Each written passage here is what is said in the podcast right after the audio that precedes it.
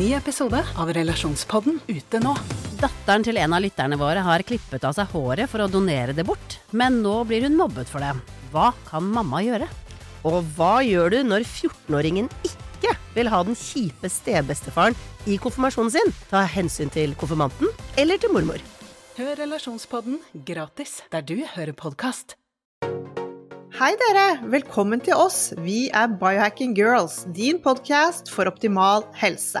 Vi er to jenter bak rattet. Dette er Monica. Og dette er Alette. Vi er biohacking-kollegaer og legger sammen våre erfaringer og kunnskap for å inspirere deg til å ta fatt på biohacking for å optimalisere helsen din. Vi følger med og setter forstørrelsesglass på trender og siste forskning, og snakker med verdens toppeksperter innen trening, life coaching, helse og biohacking. Er du klar for å starte med konkrete hacks, lytte til din egen kropp og ta fatt på din helsemessige reise sammen med oss?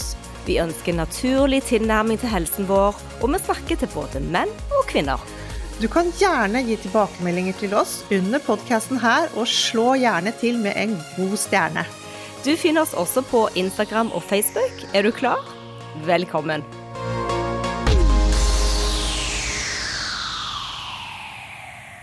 Velkommen til vår nyttårsepisode. Velkommen til et nytt år.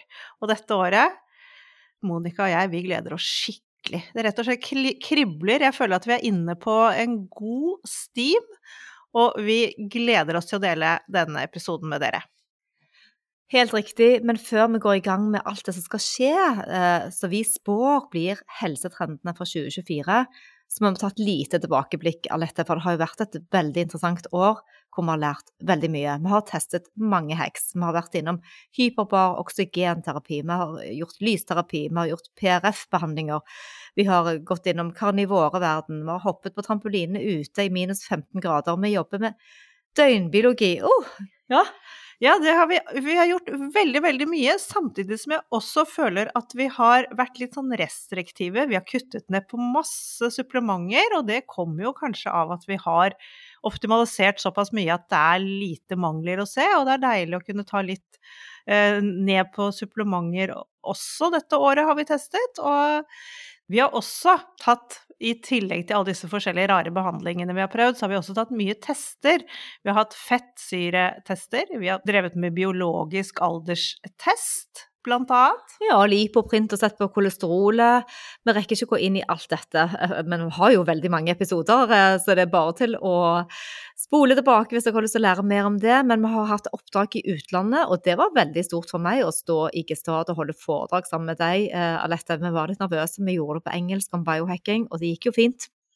Ja, det var en kjempeopplevelse. Og så har vi jo vært søvneksperter på svensk TV-program. Det var kjempegøy. Han så oss med spørsmålstegn, men han har jo sagt i ettertid at det faktisk hjalp. Ja, det var veldig eh, godt for oss å kunne dele den kunnskapen eh, og se resultater, at søvnen søvn ble bedre. Og vi kjørte historiens andre biohacking weekend i høst, i fjor høst, med stjernenavn. Altså, hallo jeg, bare, jeg er så stolt over alle de som vil jobbe med oss, eh, og stolt over at vi får dette til. Så biohacking det begynner jo å bli mer folkeskjært, det ser vi. Ja, biohacking, det vokser. Det, er helt tydelig på, på sånne Google-søk, så er det mer og mer og mer. Så en stor økning siden vi startet å bruke dette begrepet for fire år siden. Og i tillegg til det så har vi jo hatt en del presseoppslag dette året. Det begynner å murre. Dette kommer ikke til å stoppe denne biohackingen i det hele tatt. Så for alle de som syns vi er litt rare og hopper da ute i, i si, shorts og bh, og vi bader og vi gjør rare ting med briller og alt det vi bruker, så, så, blir dette faktisk litt mer normalisert nå. Og i det siste så har vi jo da saumfart butikker ved å avdekke, for å avdekke ingredienser i ultra, ultraprosessert mat, vegetabilske oljer, ja, vår nemesis, disse vegetabilske oljene, men det er det mange som er med, er med, oss på. Det er kjempe, kjempegøy å se. Og vi har laget et sånn restaurantkort som man kan dele ut til kelnere og kokker, og det har faktisk vært positivt. Det har ikke blitt noe dårlig, dårlig stemning av det i det hele tatt. Så det er gøy. Et, rett og slett et fantastisk år å se tilbake på, med så mange fine gjester på podkasten. Ja, og når vi så på trendene for 2023, så snakket vi om eh, velvære og fitness og biohacking, og det gikk veldig mye på mindful menstruasjonssykluser og hjemmekontor som hadde sjel, og at vi skulle spise mer med mindfulness og force-bathing, FOMO, altså fear of missing out, eh, døgnbiologi var stort, og longevity var stort. Men vi har også hatt fokus på mental helse. Diettbrusen Diet Coke den fikk møte mye motgang. Diabetesmedisinen og slankesprøyten Osempic ble tilgjengelig for flere enn disse som sliter med diabetes og veldig høy BMI. Alle snakket om magnesium, og vi mener også at spermidin er stort, og folk har blitt mer opptatt av planter, grønne rom, det å være mer ute. Altså ja, ja, trening har også fått et løft i 2023. Så da er spørsmålet hva skjer nå når vi møter 2024? Det skal vi snakke om i dag. Eh, og bare for å tease litt, så er plantebasert mat det var kjempestort i 2023. Og TikTok kan bekrefte hele 1 milliard klikk på hashtaggen plant-based. Spådommen er at vegansk kosthold vil holde seg, men at forbrukerne blir så mye mer kresne på prosesserte varer. Veganerne kommer til å ønske seg mer ren mat, mindre fake meals de kommer, altså fake meat mister markedet. Så hva tenker vi? Jo, vi tenker at eh, uansett hvilken mattrend du forholder deg til, så oppfordrer vi til å spise rent. Proteiner, makronæringsstoffet, det har vært superpop i 2023, og hashtaggen high protein den nådde hele to milliarder views på TikTok. Trenden kommer til å fortsette inn i 2024, og den gjelder for mange, og særlig eldre. Det kommer til å bli mer fisk på folks tallerkener i alle varianter, og følg med! Og noen hevder at dietter generelt og faste skal det bli litt mindre av, og at folk velger ren mat og ikke tenker at de følger en diett. Men middelhavsmat fortsatte å være stort, og hashtaggen Mediterranean food hadde 76 millioner views på TikTok. Folk velger mer livsstil enn dietter, og vår tanke her dette er vår filosofi, og derfor sier vi keto livsstil og ikke diett, f.eks. Og derfor lærer vi folk å ikke bruke målenheter når de lager mat, men å stole på at man kan begrense seg ut ifra de behovene. Vi ser også at dette med bærekraftig landbruk, rene ingredienser, miljøbevisst emballasje og annen klimabevisst praksis og fokus på klimakrisen, dette ordet hashtag food waste, det fikk 88 millioner klikk på TikTok, filmer som viser hvordan du kan gjenbruke restemat, bevare holdbarheten på maten. Dette å resirkulere og gjenbruk av mat, det blir viktig. Og våre tanker rundt dette er at det er en veldig god trend, og vi lager store porsjoner, fryser ned. Vi prøver å bruke hele dyret, også organmaten, og virkelig tenke over at ikke det går så mye i søpla. Ja, kjempebra dette. Det er så herlig at dette blir en trend i 2024. Gruppetrening det er enda stort etter covid, og det blir bare større. Sosiale sporter, altså tennis og golf og gruppeklasser, det vil folk ha mer av. De vil trene mer, og de vil spare mer tid, for mange vil fortsette å sitte litt på hjemmekontor inn i 2024. Og vår take av dette er at uh, vi kan jo se helt tydelig at på Core Balance så har det kommet flere kunder til, og de gleder seg over samvær og kvalitetstid sammen med andre. Så det at vi er mer sammen, det ser vi faktisk, og kan bekrefte at sånn er det. I 2024 håper vi på enda mer. Velkommen til Biohacking Girls, din podkast for optimal helse. Det er mye å følge med på, og det er langt fra sikkert at du fikk med deg alle de trendene som var i fjor, men det gjør ingenting. Det kan hende at du er klar til å ta fatt på det i år, eller kanskje du finner noen av de årets trender som du har lyst å kaste deg på. Det er så viktig at vi lytter til oss selv, at vi følger vårt eget tempo, for hva er målet med biohacking? Jo, det er å ha bedre helse, mer energi i overskudd, mer livsglede, og det får man når man tar tak på helsen sin, og særlig når du tar med deg hjertet og sjelen i tillegg til alt det fysiske.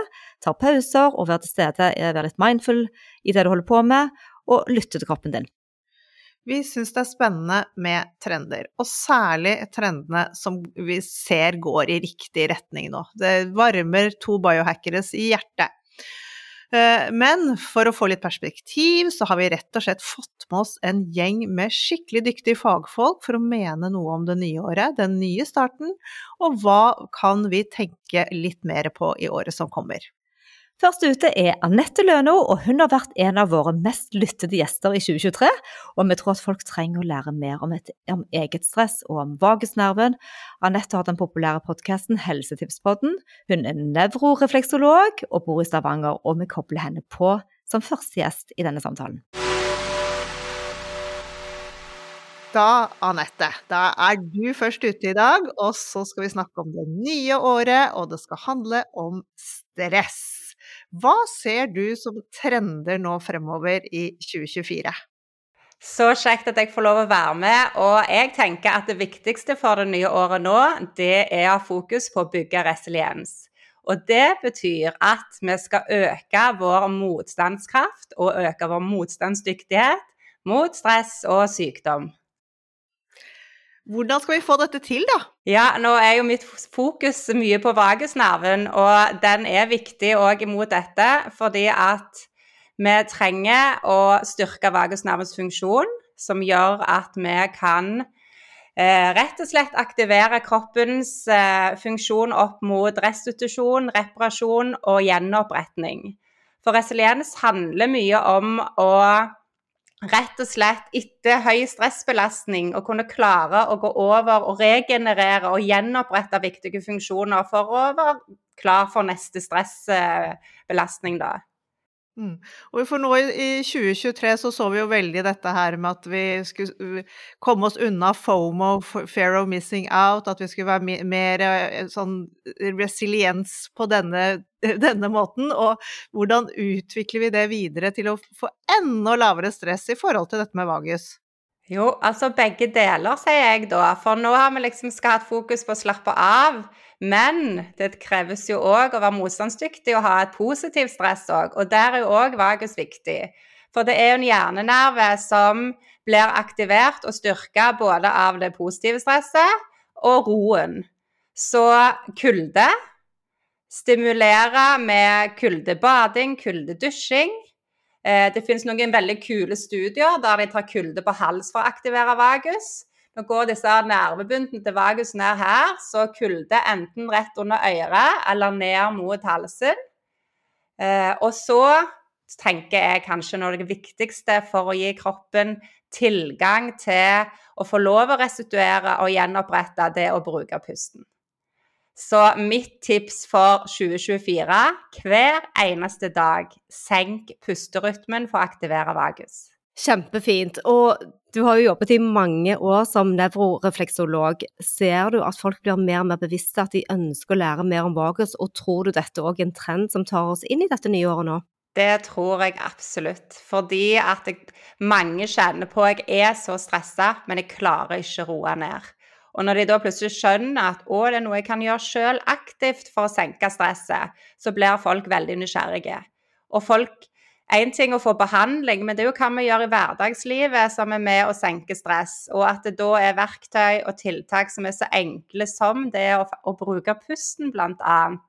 Eh, og jeg får så mye tilbakemeldinger på at det å legge seg ned og puste, gjerne med beina høyt heva, og de kjenner da at uh, uroen eller smerten i kroppen demper seg, tankestresset senker seg og de føler seg bedre. Og så er det nervesystemet vårt, for vi ønsker jo da akkurat å komme inn litt mer i det parasympatiske nervesystemet. Og da er det kanskje så enkelt som en box breathing eller en helt enkel Kanskje du gir oss en 2024 eh, powerpust som gjør at vi kommer mer inn i parasympatisk og roer oss ned? Det er mange måter å puste på, og målet er å puste saktere.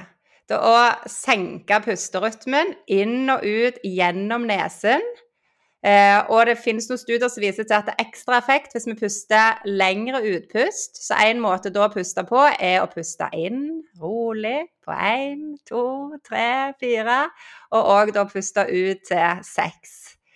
Og òg kjenne at han slapper av i skuldrene, slapper av i hendene. Og så ser jeg at de som er mest stressa, de strever litt med å bare puste med å ligge flatt. Så en ekstra effekt der er å ligge med beina litt høyt heva, Fordi at ryggsøylen skal ned i full hvile for å få ekstra tilgang på parasympatisk tilstand. Det var et veldig godt tips.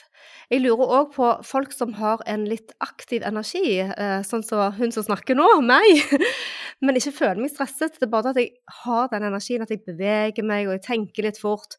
Har du noen tips til sånne raske sjeler som meg eh, inn i dette året? Ja, fordi at det da å tvinge deg inn i den raske energien og si nå må du bare ligge i hvile, det kan til og med skape uro. Og det er ikke sikkert du har behov for det engang. Så det å gjerne da ha bevegelse som gynging eller vogging, risting, klappe på kroppen, altså aktivere vagus med en aktivitet, eh, og gjerne puste litt saktere òg samtidig, kan ha kjempegod effekt. Hva med trampoline? Trampoline er gøy. Jeg har ikke funnet så mye studie med vagus med det, men det jeg har lest mye på, går jo på det med å eh, aktivere lymfesystemet. Og vi vet jo at lymfesystemet, nervesystemet, og vi får opp puls og sånn, så er jo det òg med å gjøre oss mer motstandsdyktige mot stress. Så trampoline er gøy. Og, og eh, for de som liker det, er jo det å gjerne gå en fjelltur. For vi kan aktivere vagus òg når vi er i aktivitet. Og det viser ny forskning nå. Nå ser de at deler av vagusnerven kobler seg opp mot det som går på å kontrollere hjerterytmen når vi er i trening.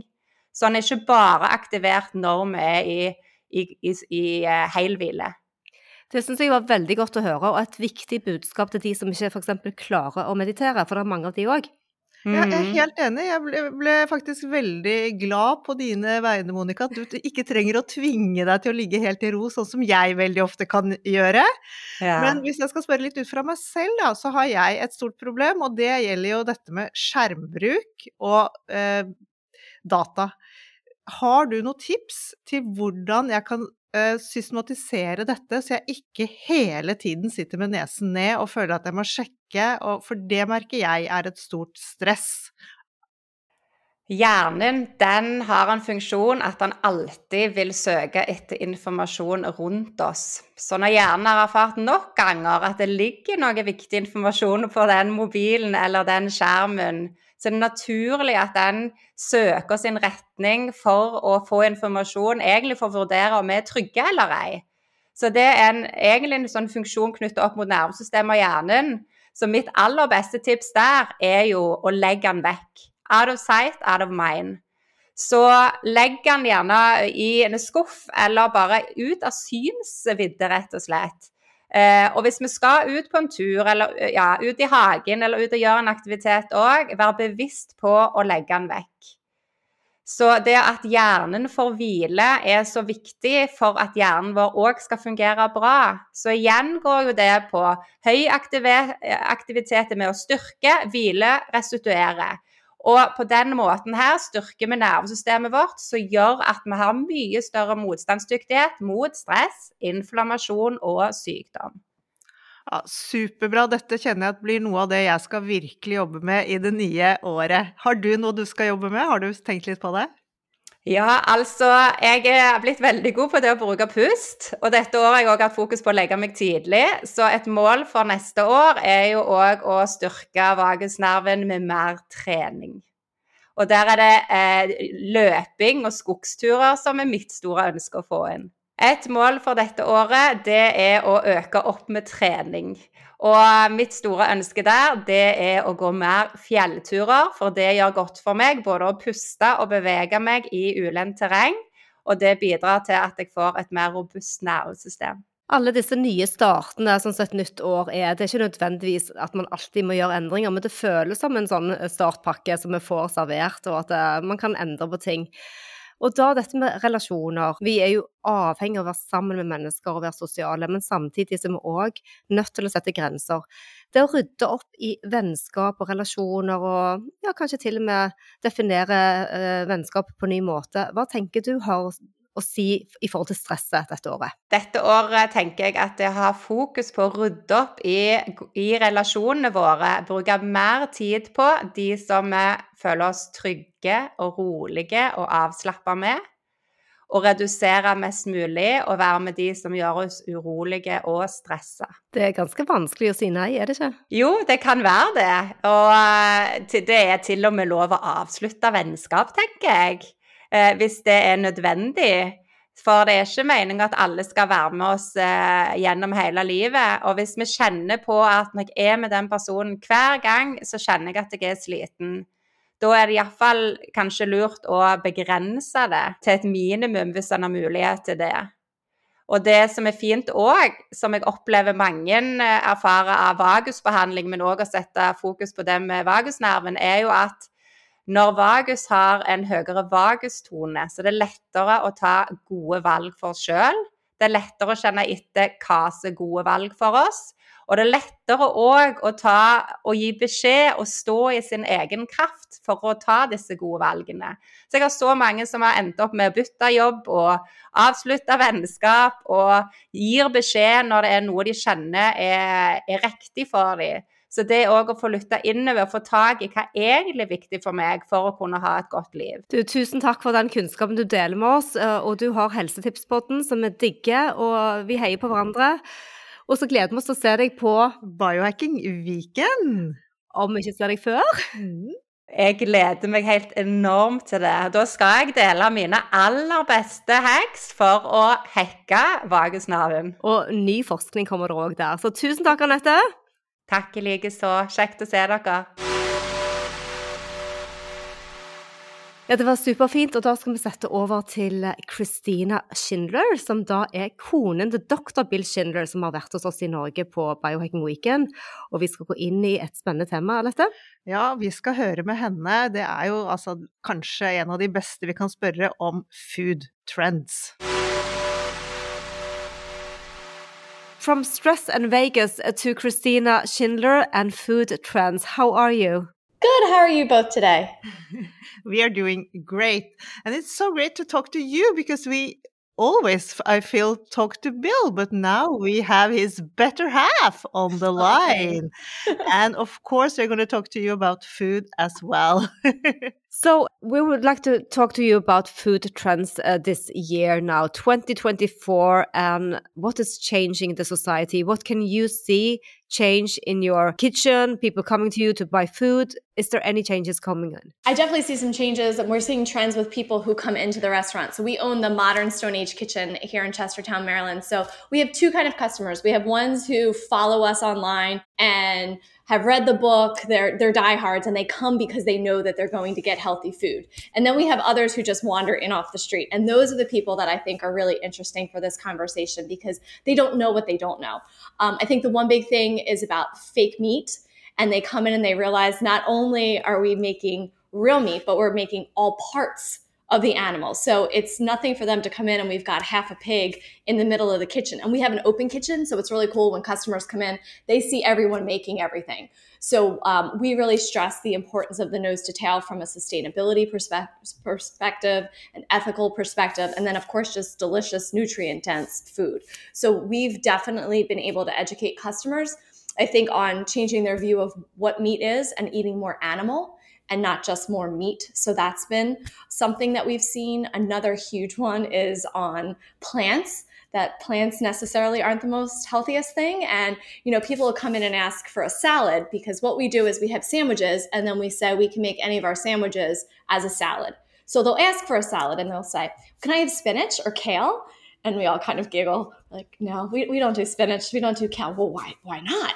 And then we talk about oxalates. And like oxalates. And then you know you could just see this light bulb go off of like oh my gosh what have i been missing? Like how do i not know about this? And then when you say oh and do you know that they're very high in almonds? And, and like, almonds? I eat those all the time as a snack. And i said yes that's true. We all pretty much have and thought we were having a healthy snack you know when we would take a handful of almonds. So i feel like that is another um, trend that we're seeing just educating people on the dangers of plants and that you have to process them differently too and do you find that uh, these people that don't know that they are excited about what you tell them? Or do they get offended because you know we're so attached to the food we are used to? Well i think you do get both um, and the catch is if we have time to actually talk with them and to be able to explain more as opposed to have a line out the door and you can't you know really go into depth of of what we mean about oxalates.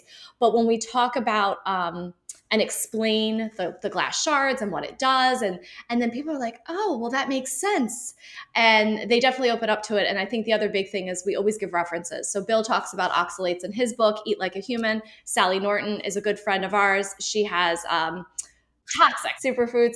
So being able to give them also resources and the why behind it, I feel that people then aren't um, feeling like they're being targeted, like they're making a wrong healthy choice because they really truly were trying to make especially in that case a healthy choice. And then when you explain that you can go to the grocery store now and you can get spinach year round and you can have a spinach shake in the morning and a spinach salad for lunch and then saute it with your dinner and then like oh yeah that that doesn't make sense that's not how we ate for millions of years so when you ta- start talking seasonally to people uh, I think that opens up their minds too to the conversation. We can see here in Norway now that the, the fake meat uh, industry is really declining and even Good. the veganism. How is it in the States? What do you see for the future? Are people catching up?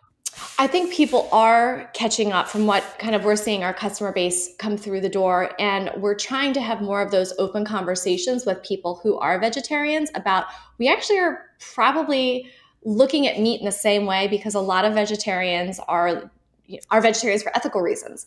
And when we talk about how we ethically treat animals and being able to utilize the nose to tail approach, it's been very interesting that way of realizing that we're coming from it in the same direction, just with two different viewpoints. And they're like, oh, well, maybe if I did eat meat that was processed in this way, maybe that is a way to ethically be able to utilize the meat resources. Mm. We also see that people think more about what the animal ate, like where does the eggs come from? What did the chicken eat? So, how is it over there in the States? It is the same way, and we're seeing a huge difference in the quality of the eggs that we get in. Uh, we were getting eggs from two local producers, very small um, batch farms, but we could see a difference actually in the grain when we asked them of what they were feeding. Just, I mean, very simple the color of the egg yolks was apparent you know what a difference it was what are the latest news uh, in in your kitchen the stone age kitchen any new recipes in the making? Yeah, well, yes. So with the holiday season, of course, there's lots of sweets amongst us. So Bill has been trying to uh, we are, we almost make it a verb, modern Stone Age kitchenize. You know the different recipes and things. So right now, a very popular one is gingerbread. So uh, gingerbread was traditionally made with um, reindeer antler, which is kind of hard to get in the States. So we use hartshorn instead in a traditional way. So we're pairing that also. Um, we just were able to get a whole espresso set up. So we're doing all proper coffee drinks now.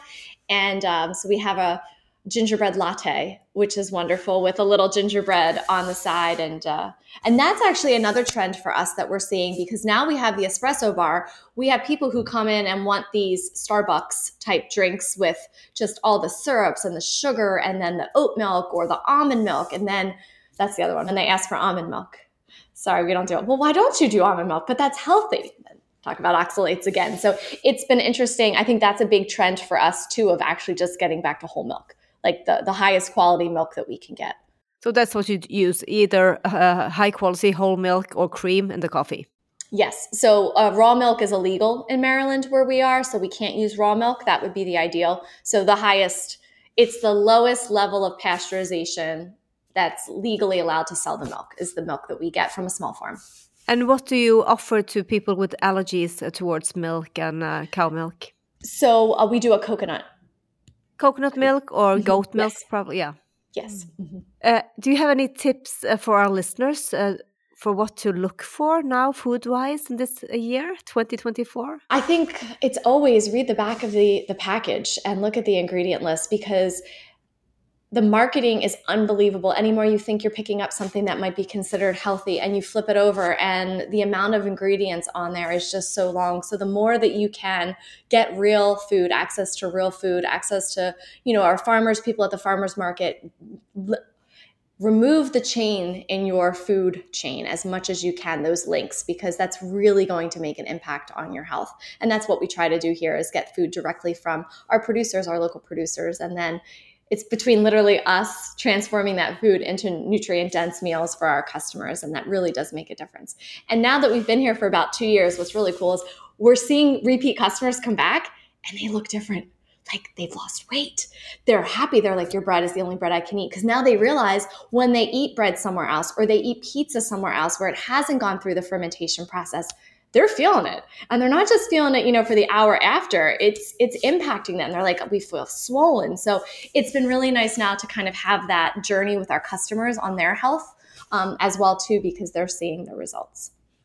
That is so cool, Christina, and that's exactly the best way to get someone to do a, a change is to feel the difference for themselves. And this is a really good tip for our listeners for the next year. Read labels even more than you already do. I think you have to open uh, shops in Norway too, because uh, we just finished the spices and we have tried so many of your products. Uh, they're amazing. Thank you uh, very We much. want healthier choices. Are you planning on opening for Europe? that would be wonderful. We have lots of people who are asking us to uh, to branch out and do some new locations. We'll see. Yeah. Okay, we wish you a great start of the new year, and uh, thank you so much for joining us uh, on this conversation, Christina. Happy New Year, ladies. It's wonderful to see you both and hopefully hug you in person soon. Yes, we will. Så spennende å høre Christina Schindlers tanker rundt mattrender, for det er jo ikke så ulikt som her hjemme. Det å spise egg fra frittgående høns, spise hele dyret, lage maten selv, lese på etiketter og minimere food chains. Hei Inge, tusen takk for at du gidder å bli med på, på vår nyttårsepisode. Vi er veldig kine på å høre litt av eh, hva du tenker om det nye året 2024. Og vi kan jo begynne med dette med hvordan blir fasteåret? Du som er fasteeksperten, hvordan ser du for deg at dette vil utvikle seg i året som kommer? Jeg tror at uh, flere og flere vil uh, skjønne det at uh, det er ikke det å kline til mest mulig som gjelder, men å faktisk få gjennomført uh, faster uh, og, og, gjøre det på en skånsom uh, måte. Ikke ta i mer enn det som trengs, sånn som Ingebrigtsen-folka sier. som da, altså De trener akkurat så mye som er nødvendig. Mer enn nødvendig, det er det egentlig ikke noe poeng i. Så Sånn tenker jeg om faste også. Fasteimiterende diett, så spiser man tross alt under fasten. og så ser det ut som man får minst like gode effekter av det som å, å spise ingenting, eller driver med tørrfaste. Monica jeg vi startet jo 2023 med en 72-timers faste, og hva tror du? Tror du det er veldig mange som kommer til å hoppe på den nå neste år? Eh, januar er i hvert fall en sånn uh, faste måned, kan man si. Så, eh, men 72 timer, altså var det bare vannfaste da, eller hva gjorde dere? Fett. Litt fett. Litt fett, ja. det, er et interessant spørsmål, fordi altså, hva er det som er den beste lengden å faste på. Det vil nok være forskjellig fra person til person, og, det viktigste er at du faktisk uh, faster og, har en bra opplevelse med det. Uh, men om det da er uh, best, for å si det sånn, å faste tre dager av gangen og gjøre det hyppigere enn om man faster i fem dager f.eks. og litt sjeldnere, altså, det, det, er det jo rett og slett ikke data på. Så, så, så det, det, kan vi ikke Når det gjelder neste år, så, så blir det mer at altså Eh, man må finne ut av hva er det som passer best for en selv, fordi at dataene på hva som vil være best for deg, sånn rent kroppslig sett, de dataene har vi ikke. Det er et veldig godt poeng, og vi er alle forskjellige, og alle har vel litt forskjellige mål med å drive med faste, så det er veldig, veldig godt poeng. Jeg håper vi ser det fremover. Planter og grønt og vegansk var superpopulært i 23. Hva tror du skjer nå dette året? Eh, ja, altså det spørs litt hva man Hvis man snakker kun trender, hva folk er opptatt av, så, så er jo det én ting. Men jeg tenker jo at eh, hvis vi tenker eh, forskningsmessig på dette her, så, så, er det ikke sånn at ting svinger så veldig, egentlig. Det kommer stadig til mer og mer uh, forskning. og da tenker jeg som jeg alltid har tenkt, egentlig, at det å kutte ut alt animalsk mat, eh, det, det, er ikke så smart. Um, så, men det nettopp variere på ting, det å ha kanskje en vegansk uke, uh, spise lite proteiner i perioder og så spise mer igjen, uh, det kan være smart. Men uh, um, Og det å få i seg nok eller får i seg en god del med, med plantemat, det er jo, er jo bra for, for, de fleste. Så, så, det er nettopp begge deler. Eh, varier, eh, tenker jeg. Men eh, jeg vil ikke anbefale noen å, å være veganere. Hva med fake meat? Det er jo allerede på retur, og Beyond Burger de taper salg.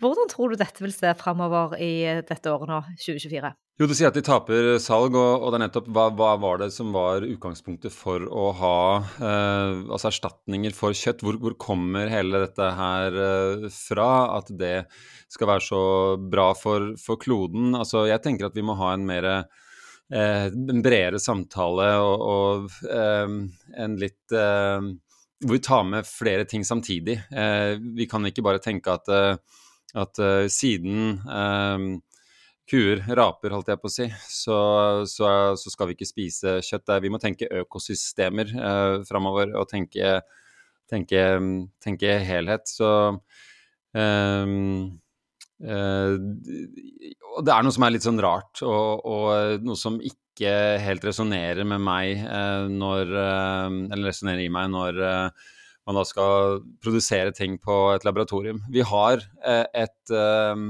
en natur som fungerer fra før. Vi trenger ikke å hacke på den. Vi har gress som, eller eh, dyr som eh, kan gresse og, og omdanne maten eh, og lage kjøtt. Og det tenker jeg Eh, selv om man kan argumentere med ulike spissfindigheter, så tenker jeg at det er, det er, der kjøtt må komme fra, ikke fra et laboratorium. Ja, og når, og når, den kommer fra dette laboratoriet, så er den jo også hyperprosessert. Så jeg tror jo det at vi har hatt så mye debatt rundt det den siste tiden, at det kan ha en innvirkning på at folk nå skjønner at å ja, vi, vi ble kanskje litt lurt, og at de ser det fremover, og gå, at man er kanskje flinkere nå til å gå tilbake til den hele maten og ordentlige råvarer. Hva tror du det er? Jo, et veldig godt poeng. Og hvis man ser på hva er det som er råvarene eller ingrediensene som inngår i, uh, i labbekjøtt, eller det som da er, skal være kjøtt, kjøtterstatninger, så, så, er jo det uh, Det ser ikke bra ut, for å si det sånn. Uh, det er ultraprosessert og ja, det er jo en del ting du ikke får i deg også når du spiser uh, disse produktene her som du finner, finner i uh, kjøtt. Så det, det, er jo et dårligere produkt. Du Alette og meg, vi slår et slag for mer samhold og tid sammen og hygge. Altså ikke sånn, ikke sånn spisehygge nødvendigvis, men at man bruker litt fokus på maten og er ja, kanskje litt mer til stede, litt, litt mer mindfulle eh, når det gjelder det vi spiser, og takknemlige, istedenfor å gå og spise og stresse og spise. Hva tenker du skjer nå framover? Jo, den, den, trenden for å si det sånn har jo startet allerede, og det er jo sånn med ernæringen at det har vært veldig mye fokus på næringsstoffer, eh, kalorier. Uh, og så har det blitt veldig tydelig da, i løpet av dette året her og, og, og årene før at uh, mat handler om mer enn uh, næringsstoffer. Og, og, matglede og alt dette andre også, men også hvordan maten er, er, er prosessert. Da tenker jeg først og fremst på. og også det med å være intuitiv og, og, stole på seg selv også. At man trenger ikke På mange måter altså trenger man ikke no, at noen skal uh, fortelle deg hva er det du bør spise sånn helt konkret, altså, um, men at du faktisk kan kjenne etter en del selv også. Men vi har jo blitt litt sånn forvirret, da, ikke sant, fordi det er jo så mange ting som vi knytter mat opp mot, og som er drevet av reklame f.eks. også. Um, så det å ikke sant, Kos, uh, så har jo reklamen hjulpet veldig med å få frem at kos, det er uh, usunn mat. Uh, så kobler vi veldig det mot uh, Eh, men så blir det ikke så kos likevel, ikke sant? fordi at vi vet at det også kan være skadelig for oss. Og så, og så blir det eh, ja, litt sånn eh, litt vanskelig oppi hodene til folk, kan man kanskje si. da. Dette med dietter kan jo klinge litt negativt for noen, og man ønsker kanskje å fokusere mer på en livsstil, en måte å leve på, litt sånn, sånn middelhavsdietten eller en ketogen livsstil, som ikke blir så bundet til målinger og regler. Hva ser du kan være en sunn utvikling framover? Jo, nettopp det jeg nevnte litt også, at det å kjenne etter eh, selv og også stole på kroppen. Så hvis du eh, ikke følger en bestemt plan, men plutselig så en dag så ble det ikke eh, så mye mat, og så bare vite det at ja, men det er ok. Eller at du kanskje hadde tenkt til å faste, og så ble det ikke sånn, så er det også ok. Det passa ikke at du tar hensyn til at ja, men det ble litt ekstra stress. Uh, plutselig. Um, og så gjør liksom ikke det noe, om du ikke følger helt uh, planen. Um, og så kan vi også trekke inn begrepet periodisk livsstil.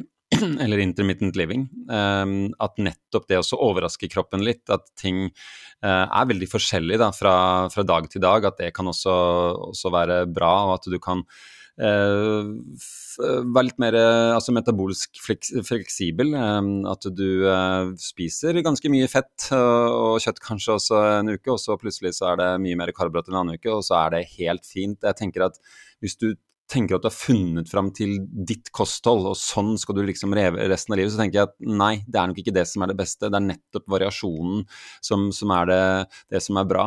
Eh, helt fint å spise lite grønnsaker i perioder, eh, men også veldig greit å spise mye av det, f.eks. Så så ehm, det, er, det der rigide, strenge greiene, det tenker jeg eh, vi går mer og mer bort ifra i, i 2024. Og at eh, det er eh, enda mer fokus på, på matglede og, og, når vi spiser mindre industrimat, så, så, vil også kroppen fungere bedre og fortelle deg i større grad hva som er riktig for deg til enhver tid. Da. Supert. Helt til slutt, Inge, hva blir vårt go to supplement for 2024? Oi, det er så mange som kan, vi kan snakke om da. Eh, nå er jeg inne på eh, aldringsbrems da, eh, mye, så eh, da syns jeg det er Eller jeg tenker at det å få holde NAD-nivåene oppe, ikke nødvendigvis med NMN bare, eller sånne precursors, eh, eller eh, de stoffene der, men, men også tenk på hele NAD-syklus. At du eh, sørger for at NAD-nivåene opprettholdes ved at du resirkulerer det du har i kroppen av NAD. Som da, og NAD er et energimolekyl som er viktig for immunsystemet bl.a., eh, og, og viktig for mange forskjellige prosesser i kroppen, og som synker med alderen. Da. Så det å prøve å opprettholde det når man er over 40 i hvert fall, det man vet jo at det kan uh, gi gode effekter i forsøksdyr, i hvert fall når det gjelder å, å, å forlenge uh, uh, antall år du lever med god helse. Da. Strålende, tusen takk. Da skal vi ta med oss dine flotte ord inn i 2024 her.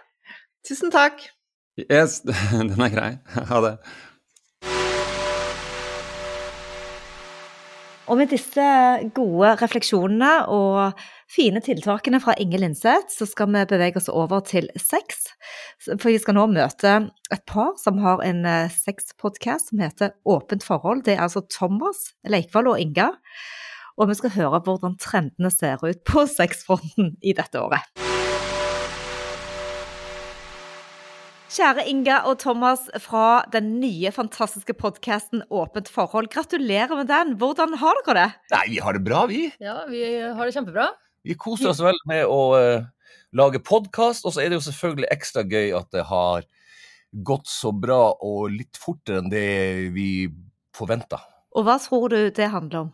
Jeg vet ikke hva du At, at det har gått fort? Ja, ja at, det, at det har blitt interesse for det? Nei, eh, det er jo en podkast som trengs, åpenbart. Eh, det er, det er veldig viktig å få ut eh, at det er litt, ganske normalt å snakke om sex og samliv.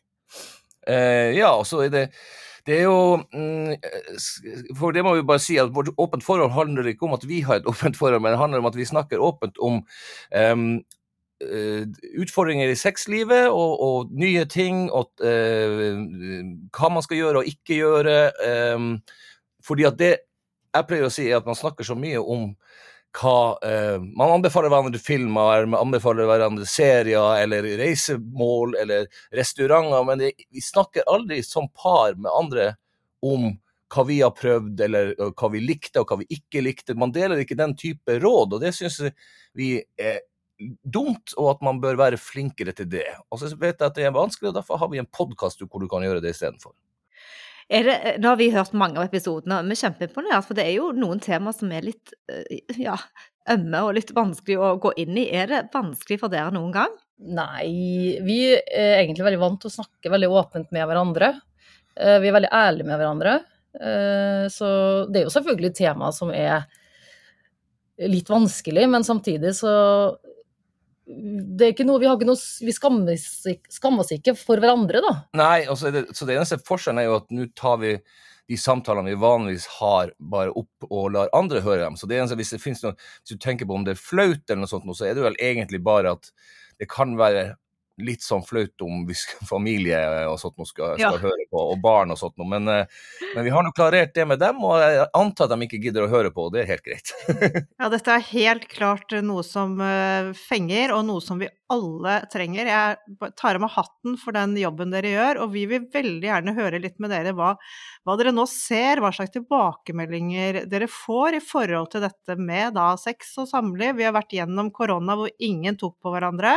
Nå føler vi at det skjer noen endringer. Hva ser dere nå utover i det nye året 2024? Skjer, skjer det endringer? Ja, det er jo ikke, altså det er vanskelig å snakke om trender når det kommer til sexliv. Det her er jo egentlig sånn, eh, noe som er påstarta nå, eh, og som bare har utvikla seg. Og det som vi ser på våre tilbakemeldinger, er jo det at folk kanskje i større grad utvider grensene sine litt, for pusher grensene sine litt. Og det tror jeg jo er litt viktig for å holde et sexliv eh, aktivt eh, gjennom mange, mange år. For det er ikke noe tvil om at du, det kan bli kjedelig og rutinesex innimellom.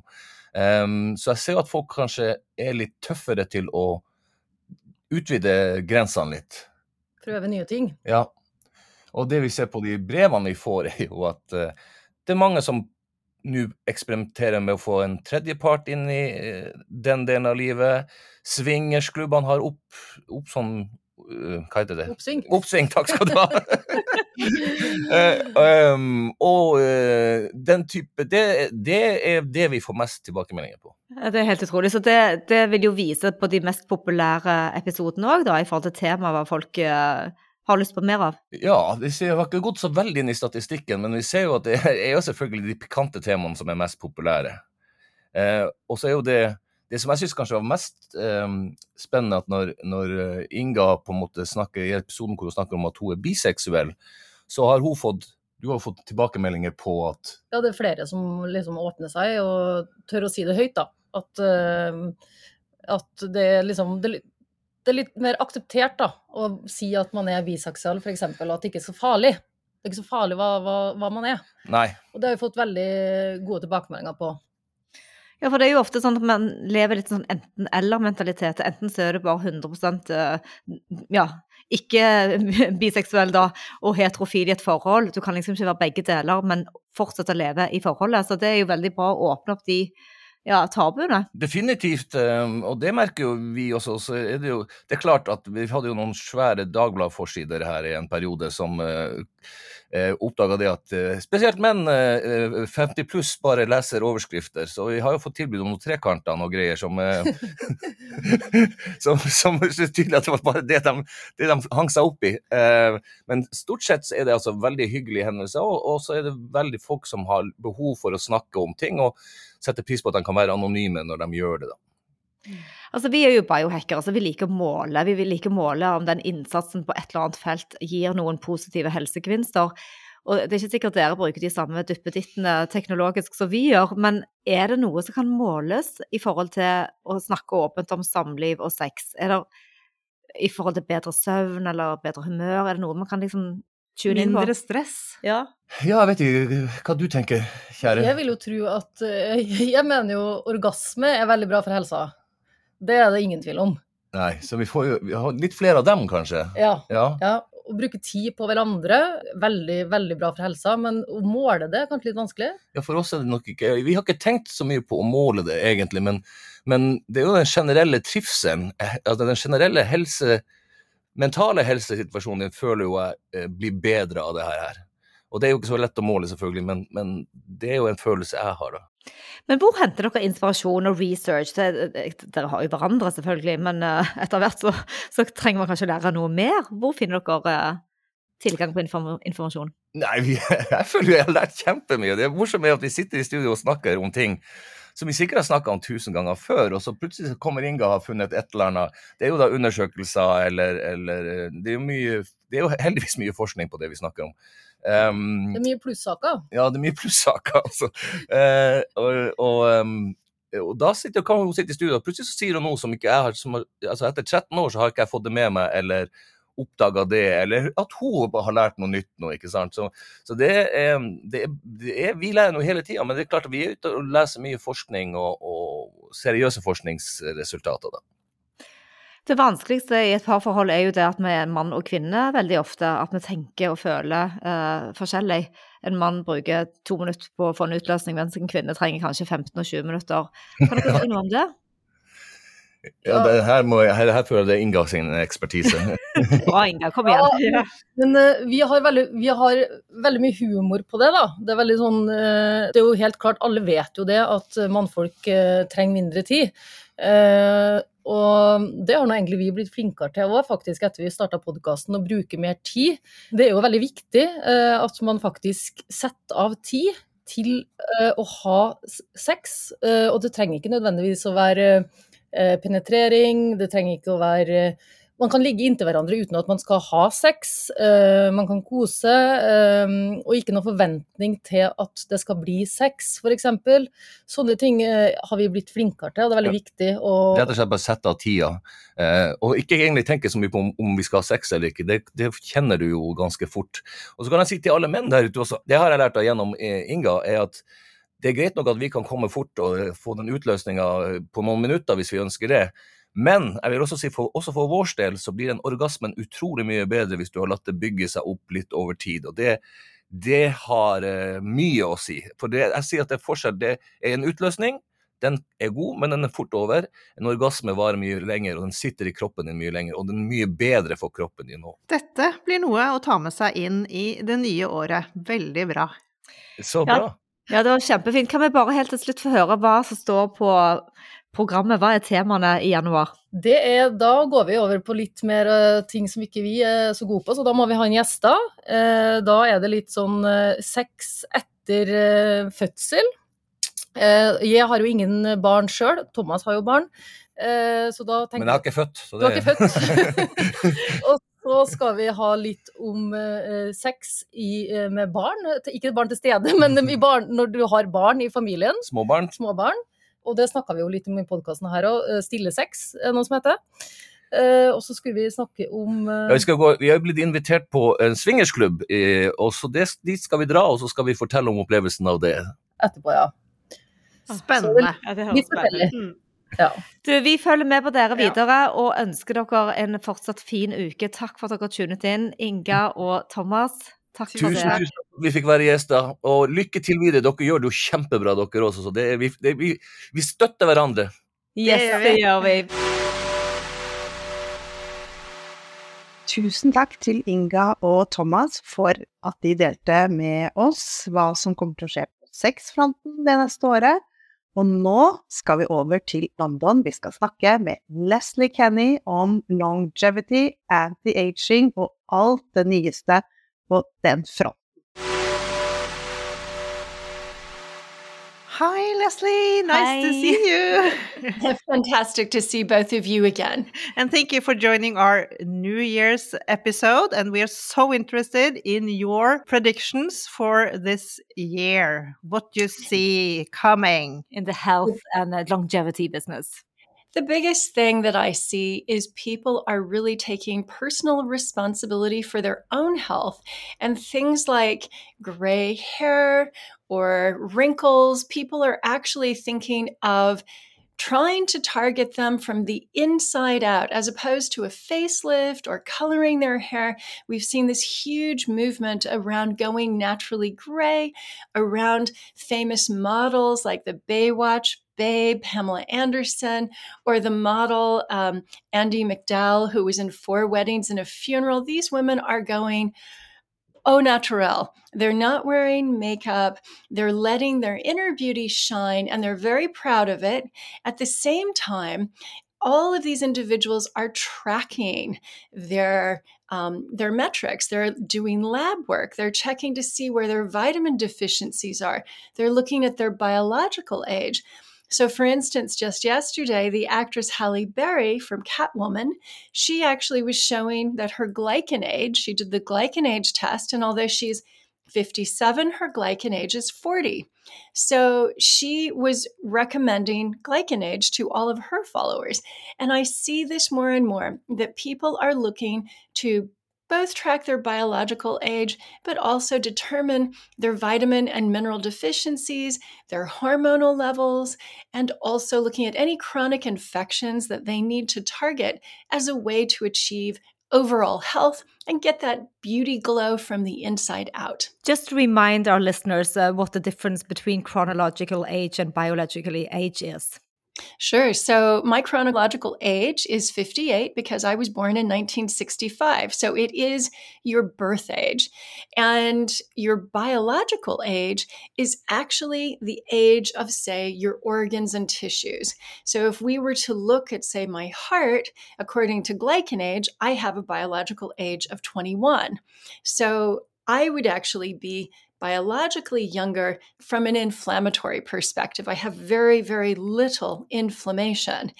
And so those are the nuances. Your chronological age, we can do nothing about. It is what it is. But your biological age, you can affect by eating more healthily, by reducing stress, getting better sleep, doing the right amount of movement, and of course, having good relationships. Can we rely on these tests, uh, Leslie? Well, that's a really good question. So, the, the main test at the moment would be True Diagnostics, which does a DNA methylation.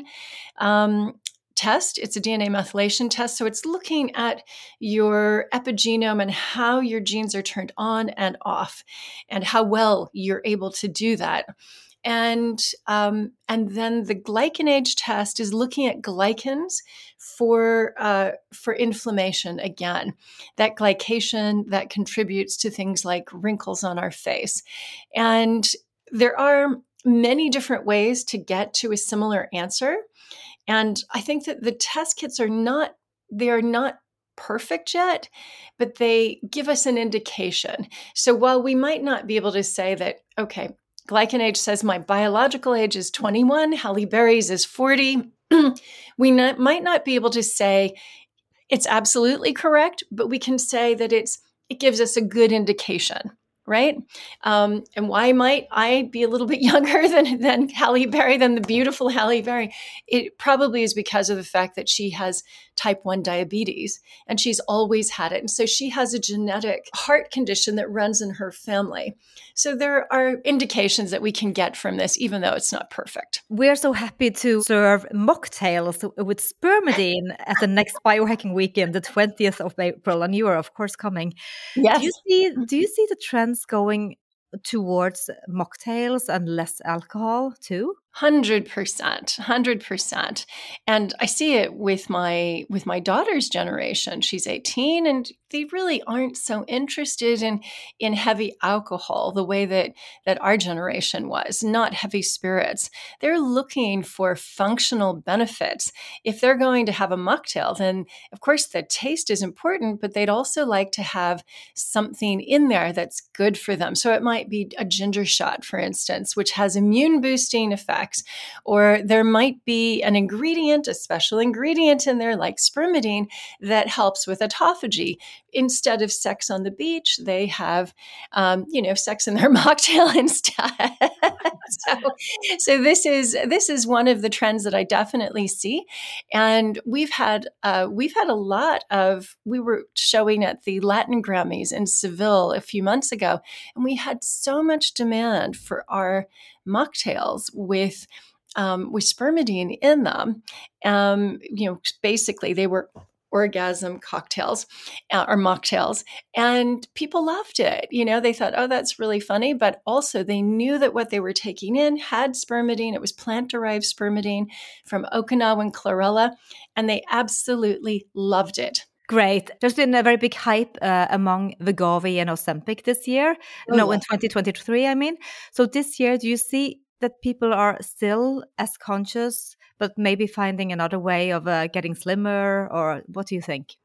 Well, the the truth of the matter is that everybody wants uh, instant results. And Wegovy and Ozempic, these GLP 1 inhibitors, they do offer that by slowing the transit time that it takes for food to leave the uh, digestive tract. So you simply feel full faster and for longer. Um, while things like spermidine can ch- can change white adipose tissue to brown adipose tissue that burns fat faster that is a long slow burn and it takes just so much longer for people to see results there. Um, i definitely see huge demand for these products and of course you're in norway you've probably noticed what's happening in denmark.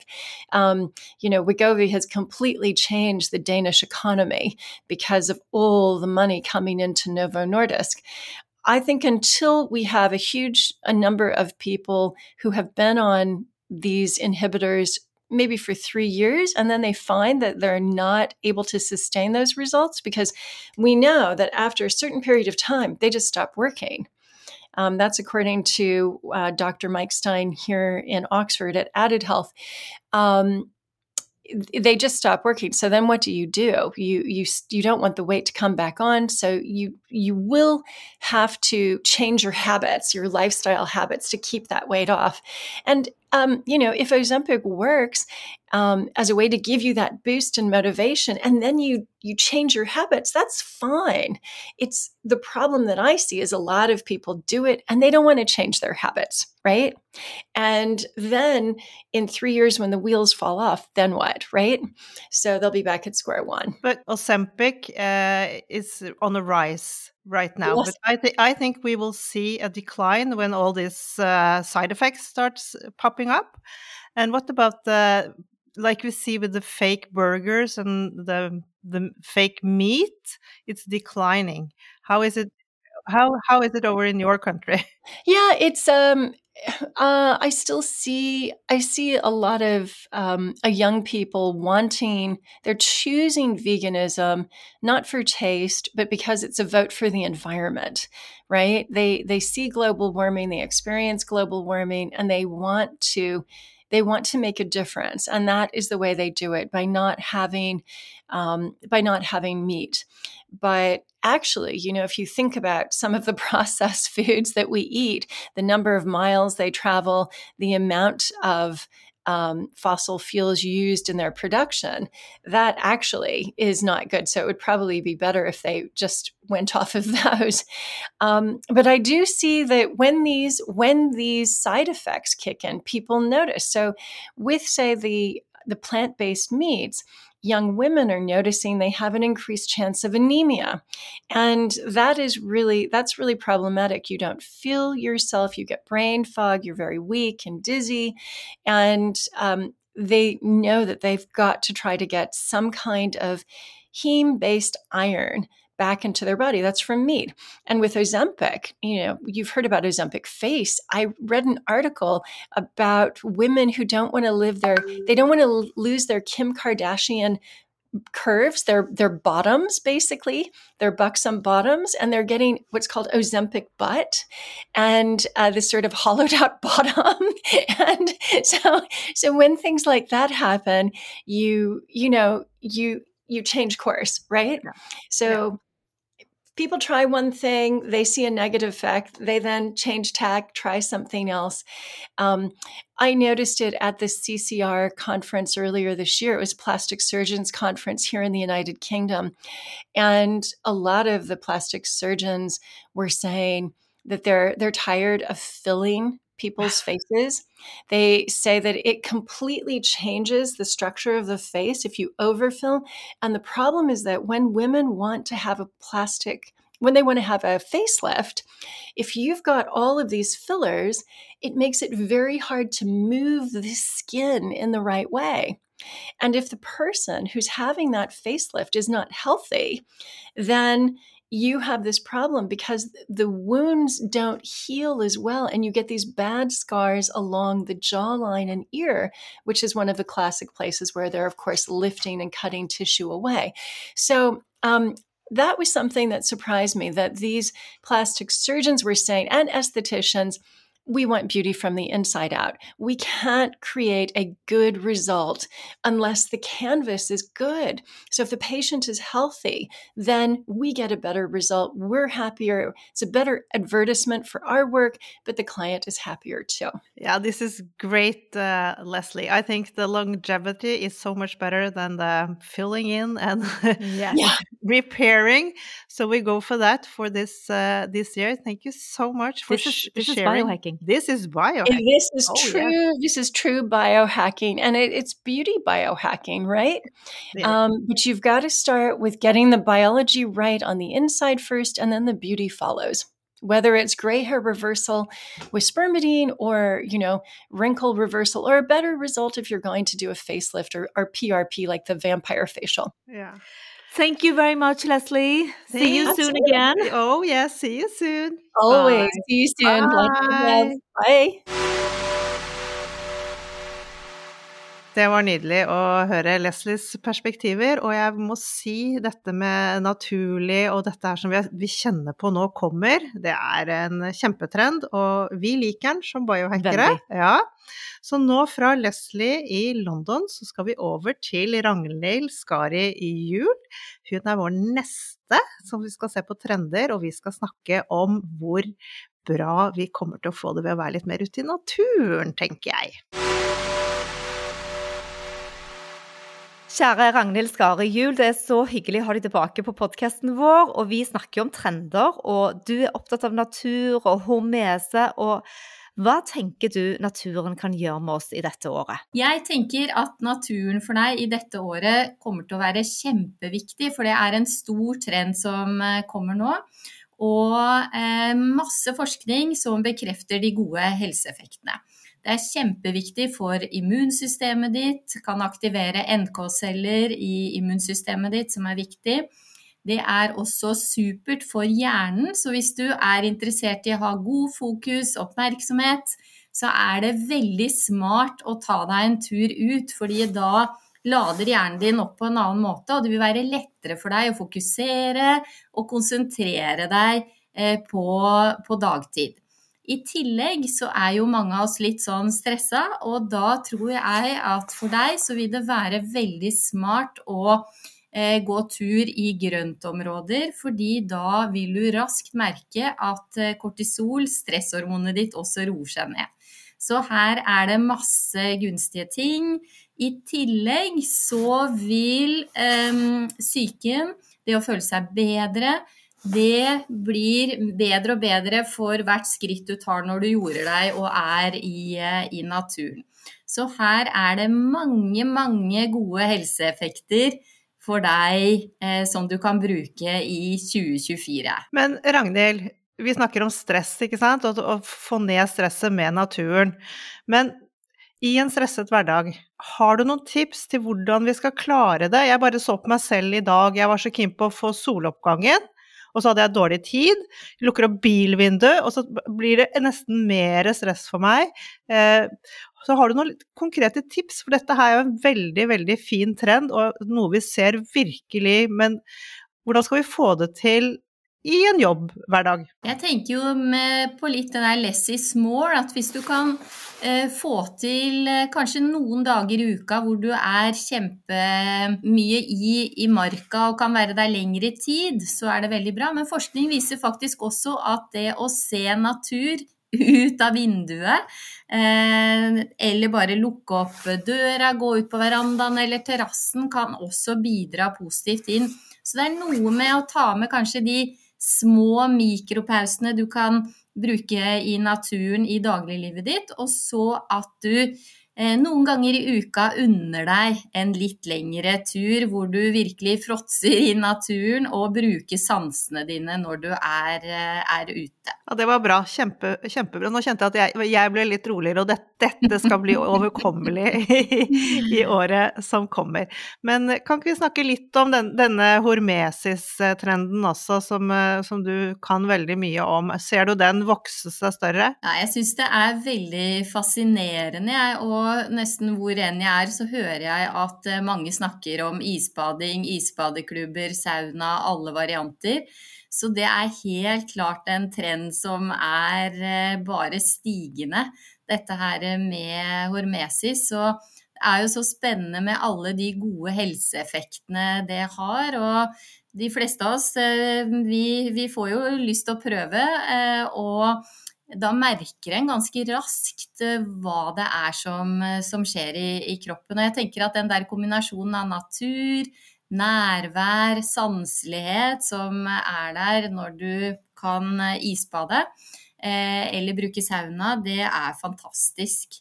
Så hvis du ikke har prøvd enda, så kommer det mange muligheter nå i 2024 til, eh, til å få lov til eh, å komme i gang med det. Resiliens har òg vært et ord vi brukte mye i 2023 eh, i forhold til å bygge motstandsdyktighet. Hva ser du som lege i forhold til dine klienter som kommer til deg? Er de interessert i å lære mer?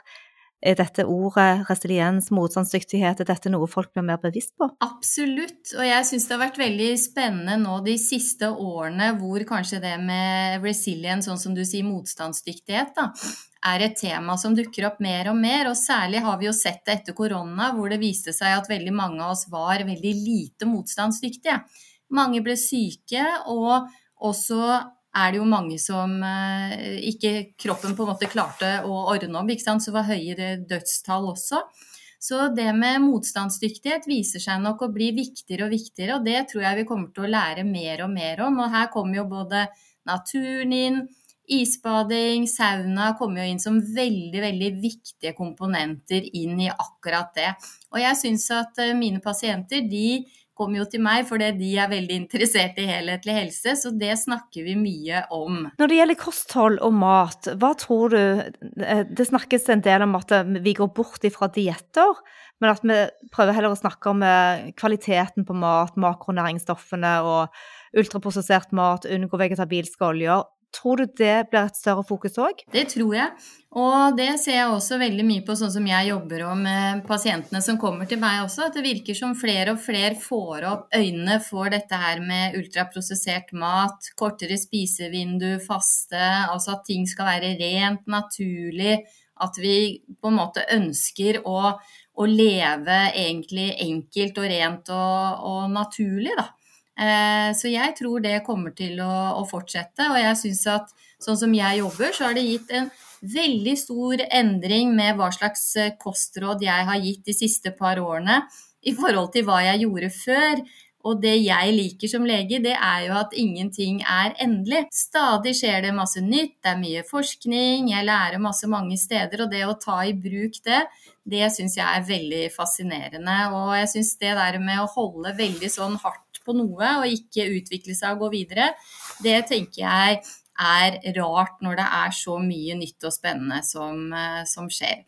Så det er bare å følge med, og vi vet jo aldri helt hva som kommer ellers. Men eh, mer eh, til, til det med med naturlighet, tenker jeg. Ja, det er faktisk en helt utrolig spennende tid vi lever i. Det skjer virkelig endringer, og i hvert fall fra vårt ståsted, og ditt også, som biohackere, så er det jo virkelig noe At vi ser det vi har drevet med så lenge, virkelig begynner å ta form. Og jeg tror, mm. Eh, tror du er inne på noe med at er, vi må tilbake til den naturlige. Vi har gått altfor langt den ene veien, så dette blir spennende å følge med på i året som kommer. Veldig, veldig spennende. Så jeg tenker det er masse håp for eh, å jobbe videre med veldig mye av de prosessene og de tingene som nå er i gang, da.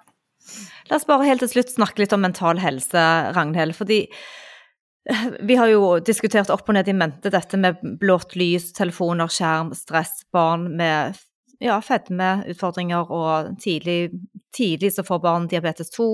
At det er mange innfallsvinkler til god helse, men særlig det med stress som òg gjør oss syke. Hva, hva, skal vi fokusere på? Du har snakket om naturen, men er det andre øvelsesmekanismer? Er det noen konkrete tips du kan gi lytterne våre? Jeg tenker sånn som du sier, natur og nærvær og sanselighet, det å bruke sansene er jo ofte veldig knytta sammen. Så, men, men, jeg er jo veldig tilhenger av mikropauser, da. sånn at eh, det er litt tilbake til å ta seg små pauser. Bare stoppe litt opp i dagliglivet ditt, kanskje kjenne føttene mot underlaget, lukke øynene litt, altså ta noen dype pust. Så er mye eh, gjort med det. Fordi da kommer du ut av hamsterhjulet, du kommer ut av autopiloten, du stopper opp, og da blir det lettere for deg å ta gode valg i dagliglivet ditt. Da. Så mikropauser slår jeg et uh, slag for. Og hva skjer rent fysiologisk når du tar den mikropausen? i kroppen vår. Så når du, når du, tar den mikropausen, så går du på en måte ut av uh, den stressresponsen i nervesystemet som bare holder på og holder på, og du flytter oppmerksomheten din til her og nå, som gjør at kortisol roer seg ned, og som gjør at eh, veldig mange av de stressresponsene som ofte står på gjennom dagen, de stopper litt opp. Da. Og når du i tillegg kan forsterke det med et dypt pust, flytte oppmerksomheten din hit, så vil du få en sånn break istedenfor at det bare står og står og står og står i nervesystemet ditt og fyrer, og så roer det seg ned. Og så vil det da være lettere for nervesystemet ditt å skjønne at det er også viktig med pauser, da. For nervesystemet og hjernen prøver jo å hjelpe oss hele tiden, og hvis den tror at det er viktig å bare stresse på hele tiden, tenke på masse ting, så vil den fortsette med det. Men du kan trene hjernen, nervesystemet, på å roe ned, ta pause og da vil det bli lettere å få det til i dagliglivet. Da satser vi på at eh, hjertevariabilitet, HRV, skal måles enda mer og få enda bredere resultater. For det, alle de store Garmin og Aura de trekker jo dette og så ser resultatene ja. fra år til år. Ja, og både Garmin og Oraringer og alt det som jeg har lært masse av dere om Torkil, ikke sant, nå det som har vært eh, siste året, så ser jeg jo at det er en sånn game changer i hvordan jeg kan hjelpe mine pasienter. For da har vi jo det målet sant, hele tiden inn i nervesystemet som gjør at vi kan jobbe med endringer over tid. Da. Og så ser vi det så tydelig. Så det er kjempefascinerende og spennende å få lov til å være med på den revolusjonen, syns jeg, som er utrolig eh, interessert i stress, da, og jobber mye med det. Tusen takk, Ragnhild. Dette var veldig bra. Du er sistemann ut i vår kavalkade her, så vi takker deg for det. Men dere der hjemme, vi skal høre mer til Ragnhild Skarre Juel, så bare følg med videre utover våren på podkasten vår. Tusen takk, Ragnhild. Takk for meg. Da er vi i mål med alle disse fantastiske gjestene som har nå kunnet dele med oss og med dere hva vi kan vente oss i det nye året. Ja, helt utrolig. Vi har lært mye, og vi ser at uh, biohacking i alle fall, det kan vi bare repetere igjen, er veldig mye mer eh, tilgjengelig for folk, eh, nært og bekjent. Så vi er ikke så redde lenger når vi hører det ordet. Helt klart ikke. Og er, trenden er jo virkelig at folk, folk er lei. Folk vil ta grep om egen helse, og det varmer å se. Så hvis du er en biohacker og du lytter til podkasten, så sørg nå for da at du melder deg på 20. april på vår one day event på Biohacking Weekend. Det er det tredje i sin uh, historie, og vi gleder oss til å, å, se alle sammen der. Så nå er det viktig å skynde seg, så du får med deg det gode Early Bird-tilbudet. Ja, vi trenger dere alle sammen til denne communityen som bare skal bli større og større. Så kom, vær så snill.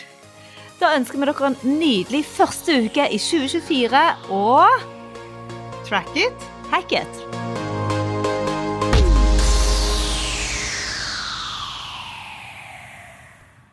Vi minner om at dere må snakke med egen lege eller kostholdsveileder om dietter og andre spørsmål relatert til medisiner og supplementer. Informasjon vi deler, kan ikke bli brukt til å diagnostisere, behandle, forebygge eller kurere noen sykdommer eller tilstander.